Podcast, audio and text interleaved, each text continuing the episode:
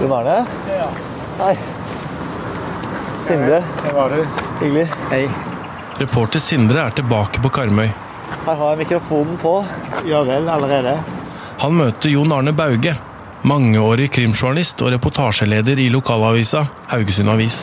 For et uh, desembervær. Ja, du er heldig som kom på denne dagen. Det var ikke sånn i går. Nei. Jon Arne sitter på materiale som du aldri har hørt før. Ja, her bak har jeg da denne eska med, med lydbånd. Eh, Her skal det være 90 kassetter, da. Eh, En eske med små kassetter med lydopptak fra den første rettssaken mot fetteren for 18 år siden. Sånne, sånne dikta, diktafoner nærmest, som, som vi har brukt i, i rettssalen. Men du har aldri hørt på dem i etterkant? Nei, eh, det ble ikke brukt i noen særlig grad fra oss, nei. Det har bare ligget her etterpå. Skal vi prøve å, å se om vi kan få spilt av et bånd? Ja. Skal vi se.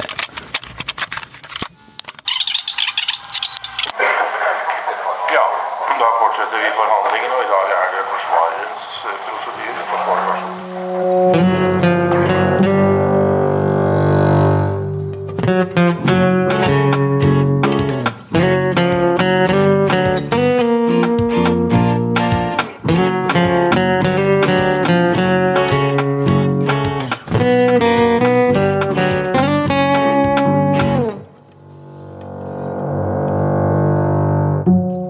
Er femte episode av Uløst.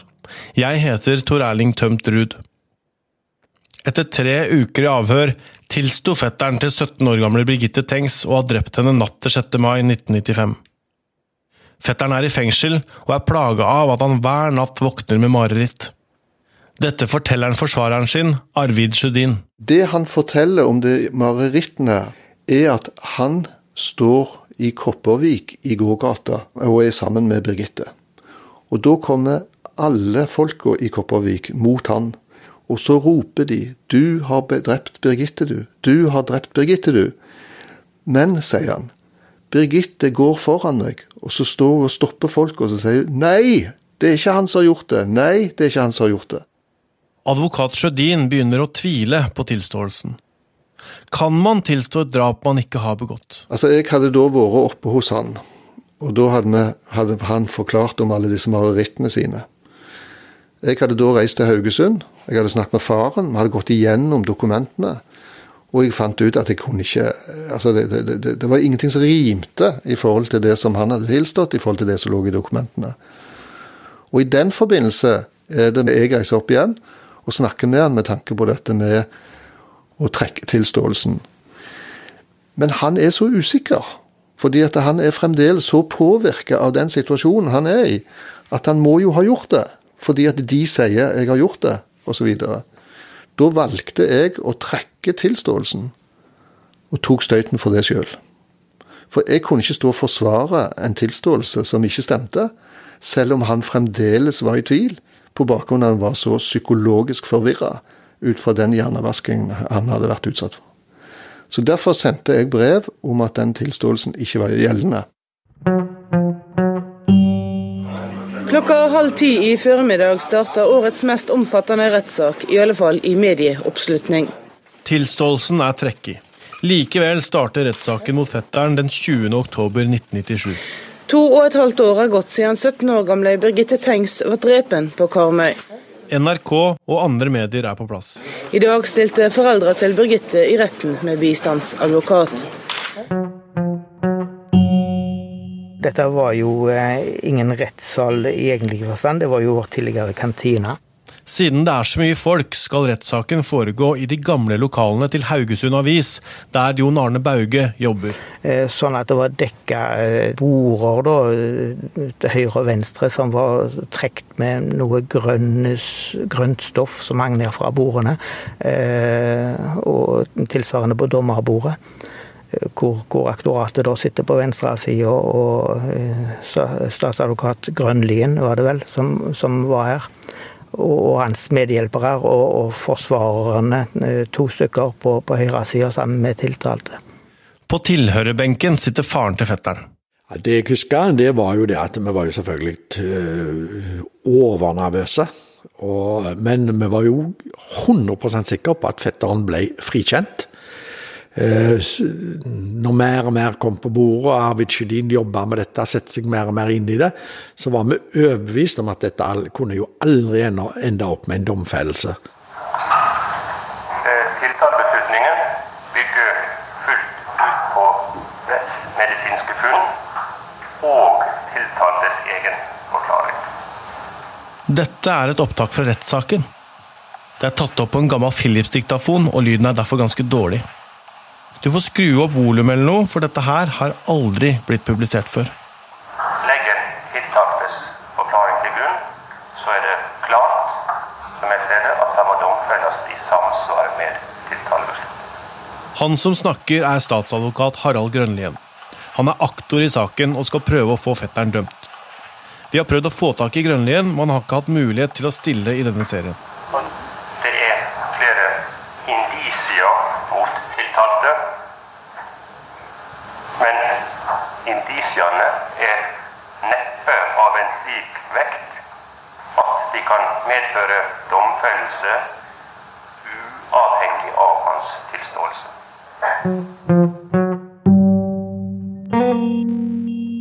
Det som sitter fremst i hjernebarken hos meg, Journalist i NRK, Harald Dale, hadde dekka saken helt siden starten og intervjua politiet mange ganger.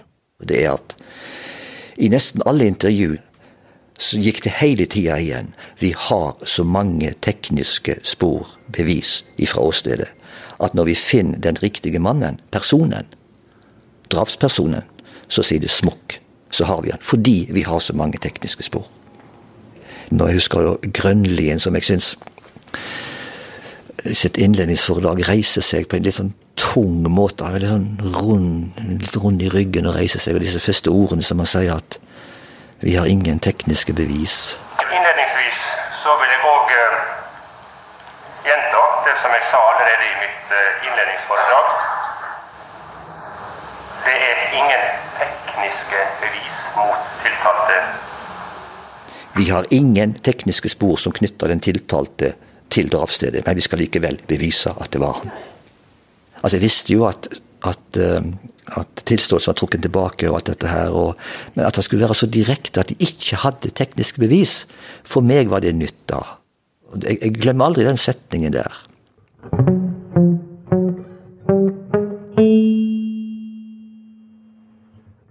I mangel av fysiske bevis håper aktor at tilståelsen og vitnene skal overbevise dommerne om at fetteren er skyldig.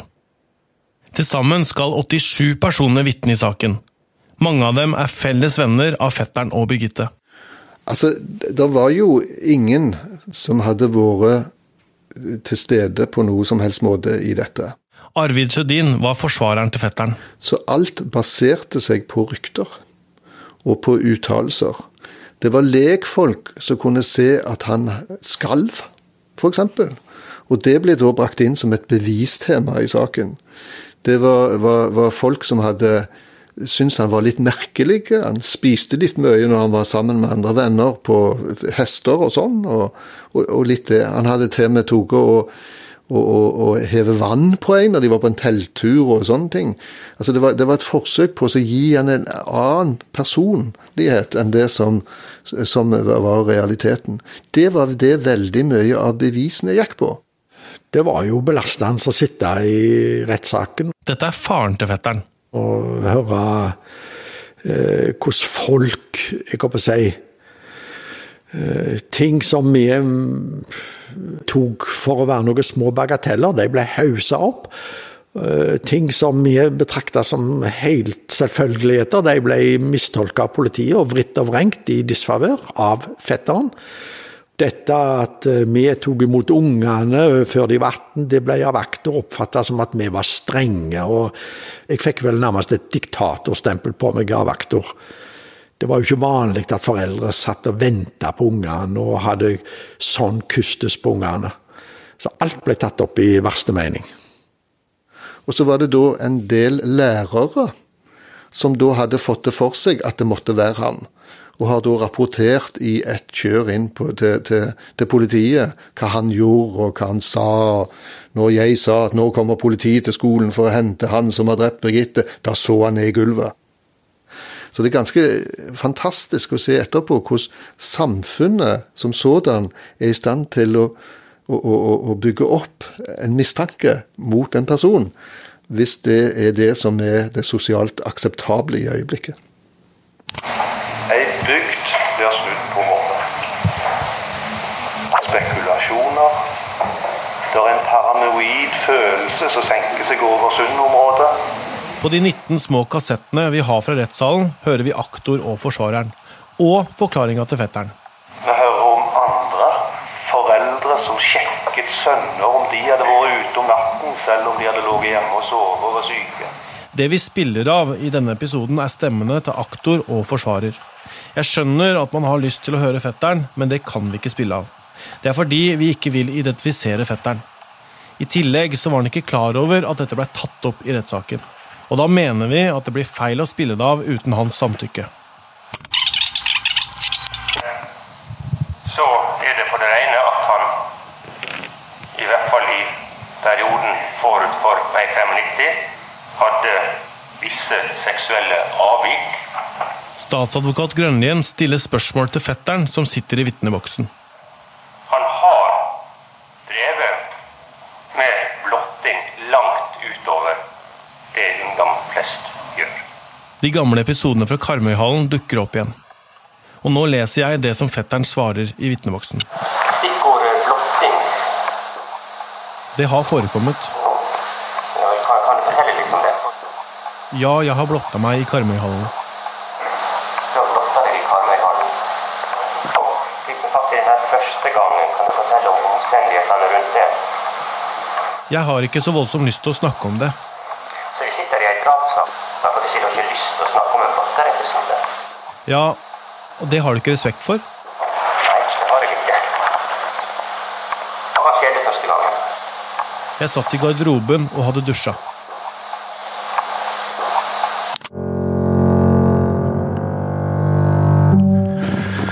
unge jenter som kom og forklarte seg om blotting. Én etter én etter én. Faren til Birgitte, Torger Tengs, hadde aldri hørt om episodene før.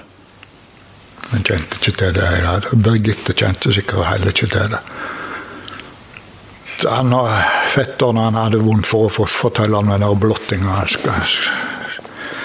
Og så eksploderte advokaten. og så han, Du ble tiltalt for et drap et stygt drap, og så nekta du å snakke om blotting, sa han. Så liksom, da snudde han på flisa, da.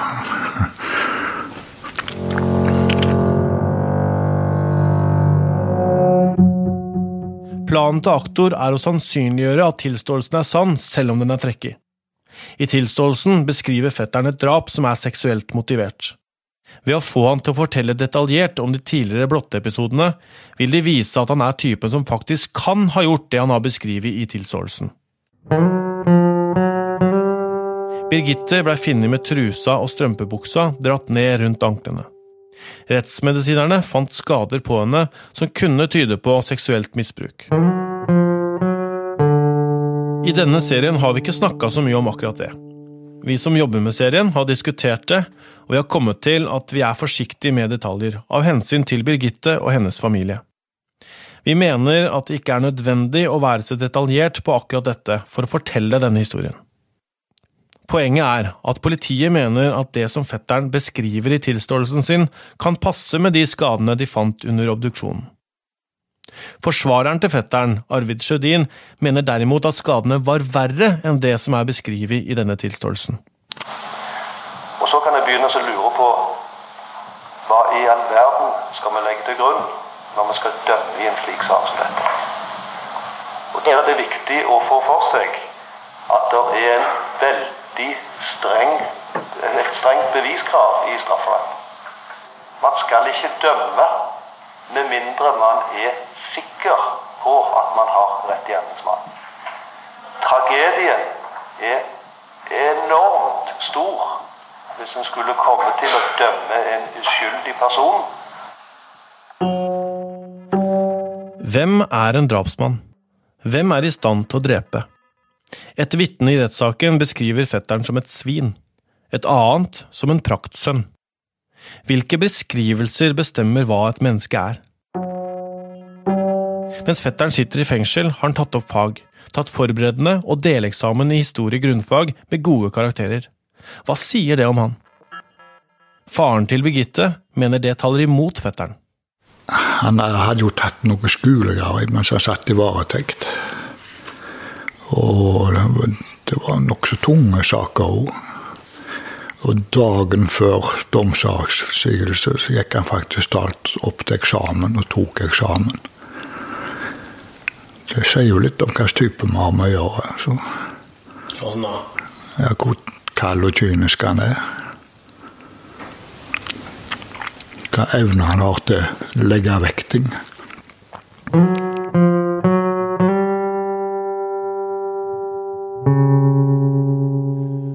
Den 27. november 1997 skal dommen falle. Etter å ha fulgt saken i fire uker er faren til fetteren sikker på frifinnelse. Da var jo duka til fest. Vi skulle jo feire denne frifinnelsen. og Så ble kjøpt inn en kasse reker. Vi forventa at eh, huset var proppa i folk. Men sånt gikk det jo ikke. Du hører på Her og nå, og vi skal til Haugesund, der det ble full seier for aktoratet i Birgitte Tengs-saken. NN dømmes for overtredelse av et tilfelle av straffelovens paragraf 229 første straffalternativ. Et tilfelle av straffelovens paragraf 193 første ledd første straffalternativ. Et tilfelle av straffelovens paragraf 233 første ledd første og andre ledd. Straffen settes til fengsel i 14 14 år.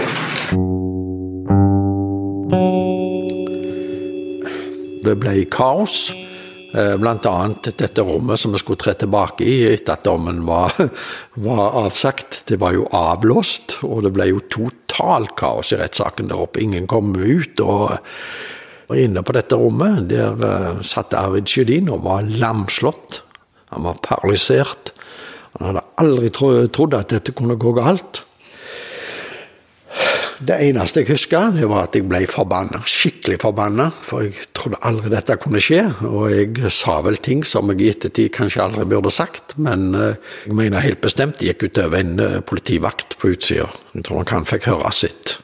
Hva jeg mente om eh, Avaldsnes lensmannskontor. Som jeg visste hadde vært særdeles aktiv i å prøve å nagle min sønn til denne gjerningen. Så, men den som tok det best, det var jo fetteren sjøl. Han eh, ga Arvid Sjødin en klem og sa dette skal vi komme oss ut av, dette skal vi klare.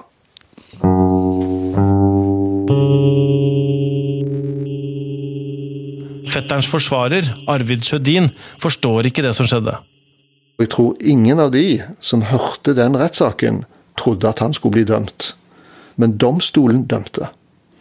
Og det mest eiendommelige der, det er jo at den dommen i seg selv, den beskriver jo en del faktiske hendelser som ender opp i der man tror at nei, dette kan jo ikke lede til bevis, men så blir motsatt til konklusjon på slutten av, av teksten.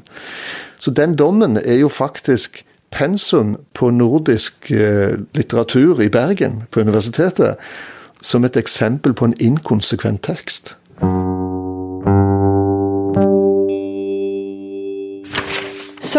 år gammel mann domfelt for utuktig omgang med sin kusine etter at han hadde slått henne bevisstløs, hvoretter han drepte henne for å skjule handlingen. Dette her er teksten i dommen. Drapshandlingen utført på en brutal og opprørende måte, men lagt vekt på en viss affekttilstand og lav alder. Straffen satt til fengsel i 14 år. Noe av det som vi har forska på da, i Bergen, det er på bl.a. justismord.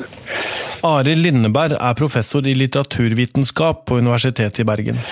Og til grunn for uh, ethvert justismord så ligger det jo en feilaktig dom, og en feilaktig dom den bygger alltid på en feil fortelling, eller en falsk fortelling. For å dømme så må man jo svare på følgende spørsmål. hvem gjorde hva, når, hvor, hvordan og hvorfor. Og hvis man svarer feil på disse spørsmålene, så blir det en feil fortelling. Så du kan si at til grunn for justismord og til grunn for feilaktige dommer, så ligger en oppdikta fortelling. Ved en del anledninger har han klaget på skolekarakterene. Lærerne har til tider reagert på intensiteten i klagene. Altså, det er jo eh, en veldig mistenkeliggjøring av eh, fetteren, som setter inn ganske fort i dommen. Og det trekkes jo inn uh, veldig uh, usaklige ting, kan vi si. Sånn som at uh, lærerne har klagd på at han var for intens. når Han hadde klagd på karakterene sine på skolen. Hva skulle det ha med denne saken å gjøre? Men verre er det jo da når de begynner å gå gjennom tilståelsen, som man jo trakk tilbake. For en rettslig bedømmelse må retten ta utgangspunkt i at det foreligger en tilståelse, og spørsmålet for retten blir om det foreligger andre omstendigheter som styrker at tilståelsen er en erkjennelse av de faktiske forhold. Den omstendighet at tilståelsen senere er trukket, er ikke avgjørende. Det er intet ukjent fenomen at tilståelser trekkes, og årsaken kan være alt fra taktiske overveielser til psykologiske mekanismer.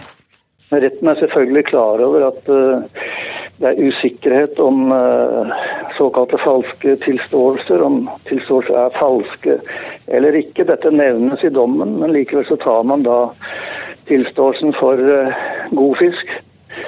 Så altså her er det så mange mistenkelige detaljer som gjør at fortellinga, ja for alle oss som studerte den da dommen hadde kommet, virker rett og slett uholdbar. Altså, Vi lar oss ikke servere den typen fortellinger, heller ikke i krimfortellinger på TV. ikke sant? Er, eh, vi, vil, vi vil ikke godtatt det. Det er for usannsynlig.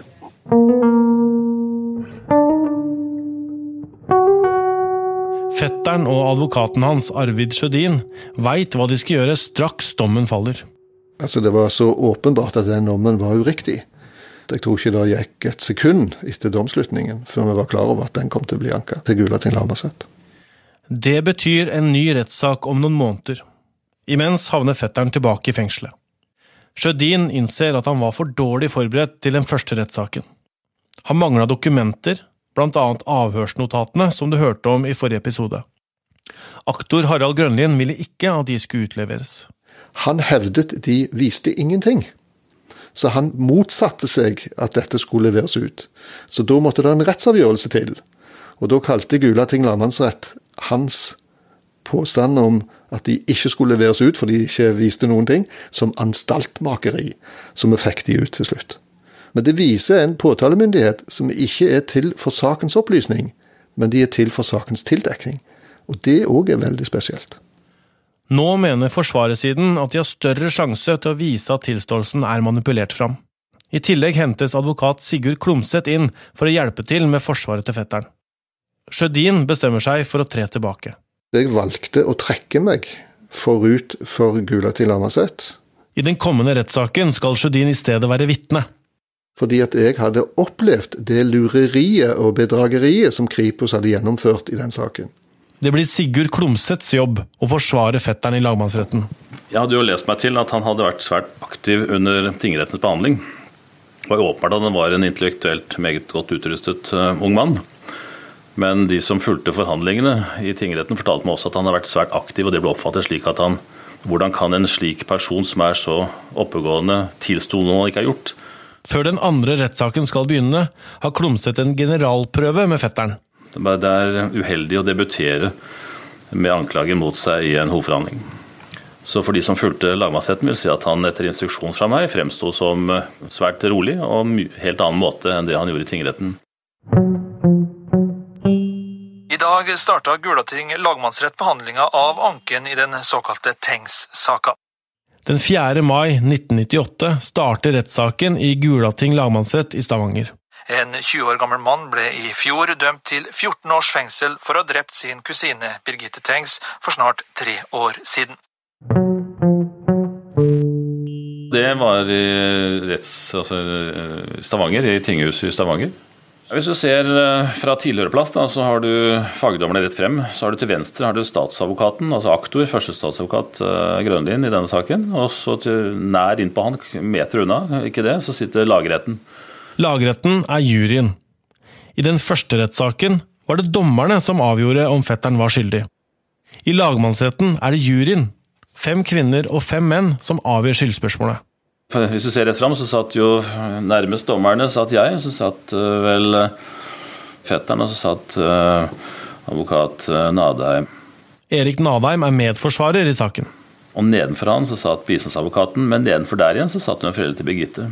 De var veldig tydelige på at de ønsket å sitte i en posisjon hvor de hadde mulighet for å både se og bli sett. Og vi hadde en del episoder hvor mor til Birgitte for opp, løp og dør. Som ja, det det skapte nok en situasjon som i hvert fall ble vanskelig for oss andre. Faren til fetteren husker hva som skjedde i den forrige rettssaken, når han nå går inn i denne. Da hadde jeg panikk, for det at da skjønte jeg eh, Da begynte jeg mer å skjønne hvordan dette rettssystemet i hermetegn fungerte. Så da var jeg livredd for at uh, vår sønn kunne bli dømt, til tross for at saken var betydelig mer opplyst, bl.a. med de uh, dagbøkene som forklarte hva som hadde foregått på bakrommet eller avhørsrommet da. Fetterens tidligere forsvarer Arvid Sjødin inntar vitneboksen. Det som jeg valgte å fokusere på når jeg ga forklaring, det var at han ikke hadde hatt noe forsvar at han ikke hadde hatt noen mulighet til å få noe forsvar. Fordi at beviser var holdt tilbake for meg. Jeg var manipulert i forhold til hva man fortalte om sakens beviseligheter. bevisligheter. Og at jeg heller ikke var blitt holdt orientert fortløpende om det som skjedde. Foran ham sitter dommeren Steinar Trovåg.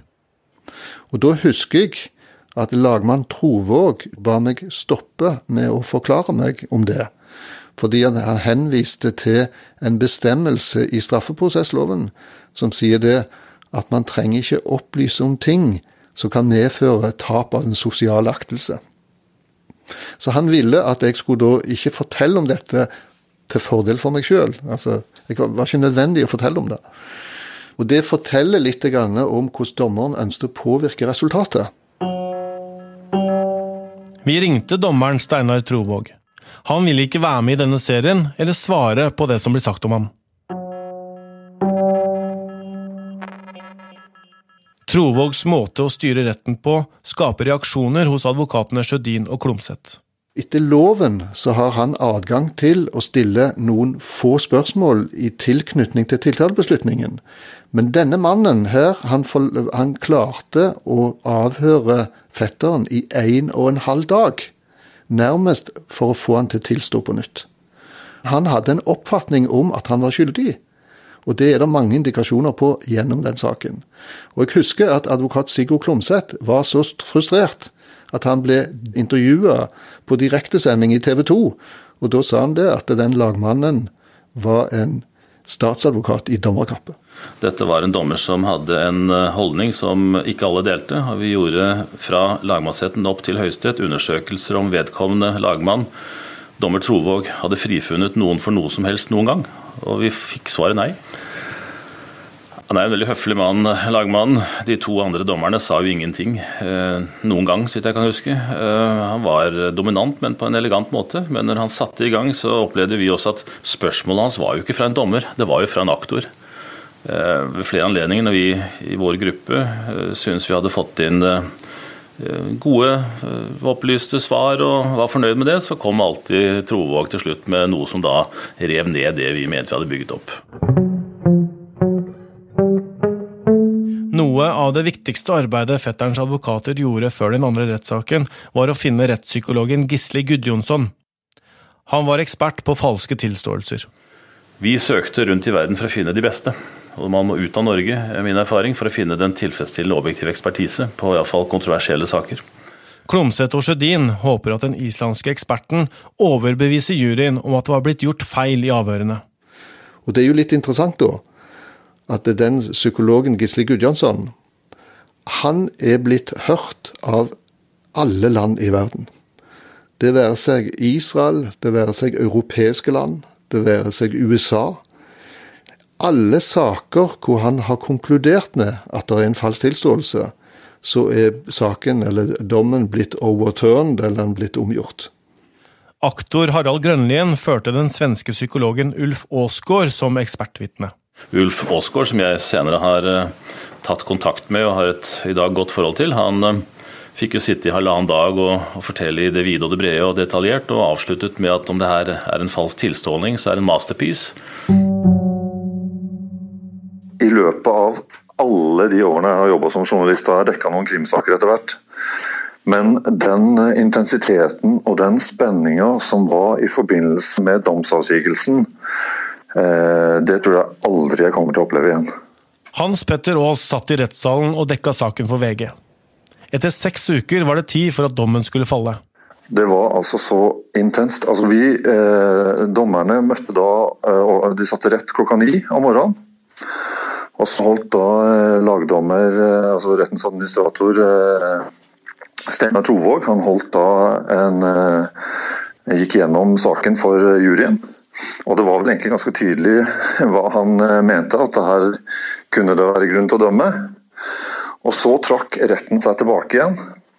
Og de var borte i ni timer.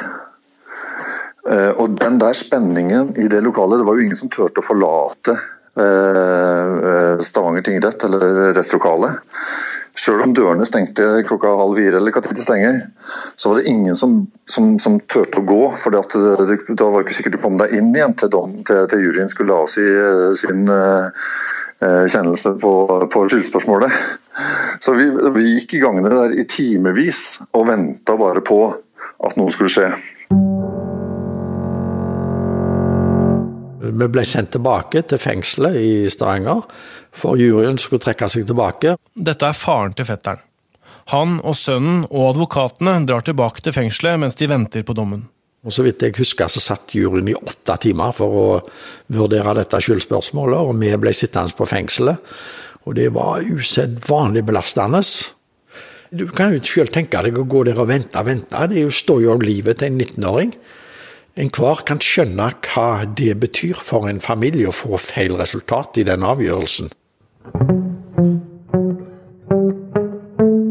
Klokka nærmer seg sju på kvelden da partene hentes tilbake til rettssalen. Dette er advokat Sjødin. Juryen er jo, eller Lagretten er jo samla i et eget rom, et rådslagningsrom. Eh, lagmannsrettsdommerne i et annet rom. Og Da er det rettsbetjenten som først henter alle aktørene inn i rommet og Da henter han da dommerne, og så henter han da de partene som er involvert. Og så til slutt så kommer lagretten marsjerende inn. Og når de marsjerer inn, så er det da eh, lagrettens formann som har i oppgave å lese høyt og tydelig hva svarene blir. Spørsmåla juryen skal svare på, er om tiltalte er skyldig i å ha hensatt Birgitte Tengs i bevisstløshet, er han skyldig i å ha hatt utuktig omgang med henne? Har han forvoldt hennes død? Og når lagretten kom tilbake, så sier noen at de kunne se gjennom market, gjennom lyset, fordi det var motlys, at eh, det var nei-svar over hele linjen. Så hørte jeg det ene nei-et kom etter det andre. Og det var mange spørsmål, men alle endte opp med nei. Og da må jeg si jeg ble letta. så falt jo denne dommen, og det var Det ble skriking i, i, i, i rettssalen. Det var jo tilhørere som hadde sittet hele rettssaken, og de brøt jo nærmest sammen. Det var særlig eh, en litt eldre mann som eh, spenningen hadde bygd seg så voldsomt opp, og når denne spenningen ble utløst, så, så, så skreik han nærmest usam, usammenhengende ut i rettslokalet. Og det var faktisk en god del forvirring om folk var, hadde kollapsa eller hadde, hadde, fått hjerteinfarkt, ble nevnt og greier. Og blant annet, eh, jeg tror til og med dommeren reagerte.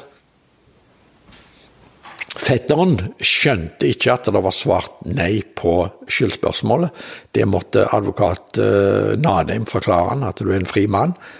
Og det har antagelig vært en sånn spenning at han klarte ikke å skjønne hva enten ja eller nei betydde for noe. Men da hadde en forklart det, at han er en fri mann, og da så jeg han ble letta. Gulating lagmannsrett har i kveld frikjent den 21 år gamle mannen som var tiltalt for å ha drept Birgitte Tengs i Karmøy i Rogaland i 1995. Avgjørelsen blir kringkasta ut i hele landet. 21-åringen ble i Karmsund herredsrett i fjor dømt til 14 års fengsel for drapet. Men lagmannsretten har nå altså frikjent 21-åringen på alle punkter. På Karmøy sitter Birgittes barndomsvenninne Kristbjørg Bjelland. Jeg husker at jeg var, ble fortvila.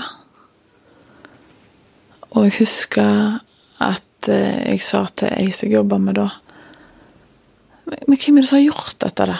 Hvem er det som har gjort dette? Hvem er det som går rundt blant oss, på en måte? Nå, altså, ja. Du var veldig på søken etter et svar, på en måte. Og Jeg husker den fortvilelsen, og jeg husker huset jeg jobba med, som kom og satte seg ned med meg. Og, og, for jeg var ja, Jeg begynte å grine. og Hvem er det som har gjort dette?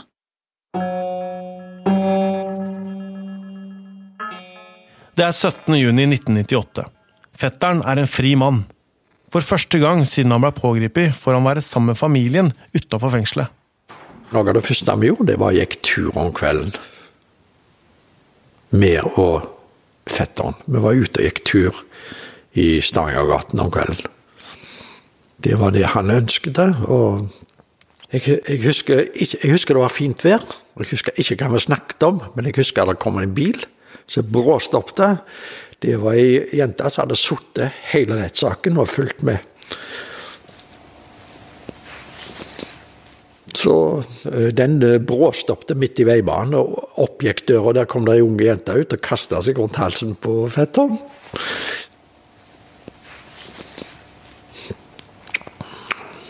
Det var nok sterke følelser i sving. Både blant tilhørere og oss som var involvert i den saken.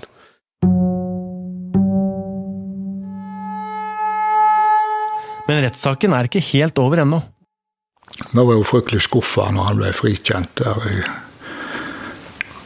Og så kom bistandsadvokaten og sa at vi kan fremdeles kjøre sivil sak, altså krav om erstatning. Faren til Birgitte, Torger Tengs, sier ja til at det blir retta et erstatningskrav mot fetteren. Og jeg, for min del så jeg, jeg forventa ikke å få det. sånn så Frikjent den ene dagen og dømt den neste dagen, på en måte.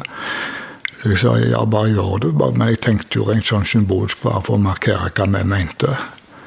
At vi da fikk medhold, det, det, det, var, det var jo litt overraskende for meg òg. Dagen etter møter fetteren i retten som en fri mann, og juryen er sendt hjem. Nå er det dommeren Steinar Trovåg og hans meddommere som skal bestemme om fetteren skal betale penger til foreldra til Birgitte, som en oppreisning. Fetteren dømmes til å betale 100 000 kroner. Og da var det nye tårer og, og, og ja, nesten sånn vantro stemning i, i, i restlokalet. Dette er Hans Petter Aas, journalisten som dekka saken for VG. For Det var visst første gangen da, i en drapssak der en frifunnet person eh, blir dømt til å betale erstatning til de pårørende. Og Det er jo, eh, det blir oppfatta som å sende det, først frifinne mannen, og så sender du den likevel ut i samfunnet med et stempel som drapsmann i panna.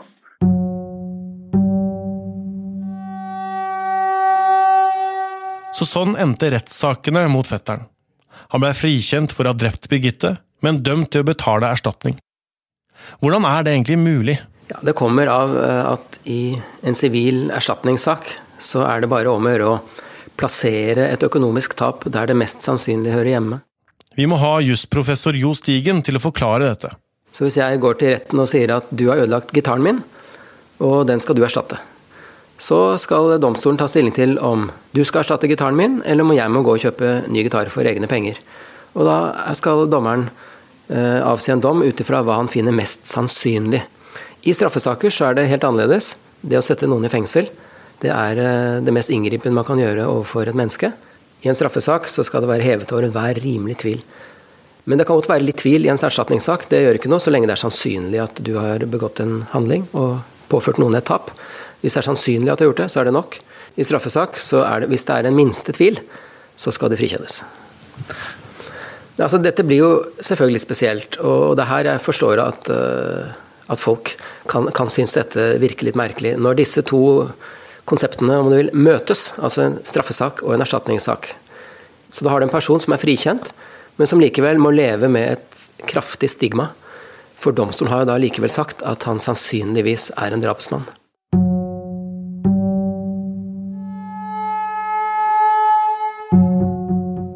Så der står vi, frikjent og dømt. Denne dommen som skaper tvil, og tilståelsen er det som gjør at mange til og med i dag spør seg var det fetteren som drepte Birgitte Tengs, eller var det ikke? Det er jo litt uvanlig at folk trekker tilståelsene eh, og greier. Dette sier faren til fetteren i dag.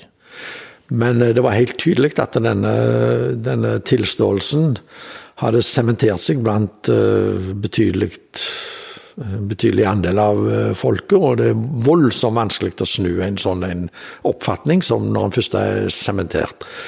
Og jeg kan si, den dag i dag så er det jo de som tviholder på at denne tilståelsen må ha vært korrekt.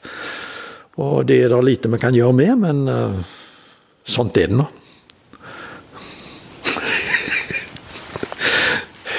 Hvorfor er det? Nei, jeg, jeg Uff.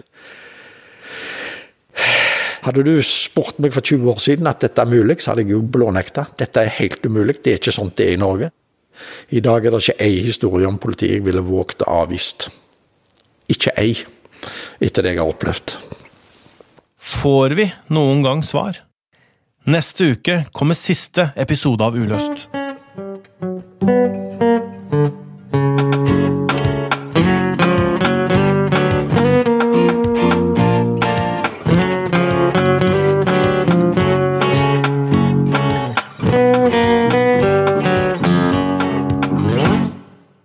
Uløst er laget av Tor Erling Tømt Ruud, Sindre Leganger, Kristine Hellesland og Katinka Rondan. Musikk og lyddesign ved Hans Kristen Hyrve. Produsert i samarbeid med Rubicon.